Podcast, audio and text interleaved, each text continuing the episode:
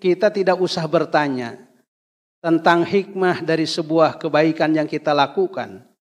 Kita tidak usah bertanya apa sih hikmahnya membaca Al-Quran. Membaca Al-Quran saja secara dawam. Apa sih hikmahnya bersedekah? Tidak usah bertanya seperti itu. Bersedekah saja secara dawam.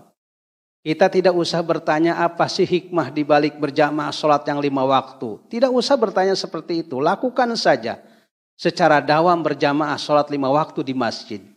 Karena Allah subhanahu wa ta'ala akan mengajarkan kepada kita hikmah yang begitu luas. Manakala kita sudah bisa dawam melakukan kebaikan.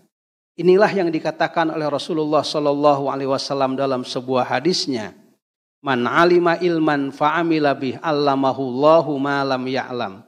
Barang siapa yang mengetahui sebuah ilmu, kemudian dia mengamalkan ilmu itu, maka Allah akan mengajarkan hikmah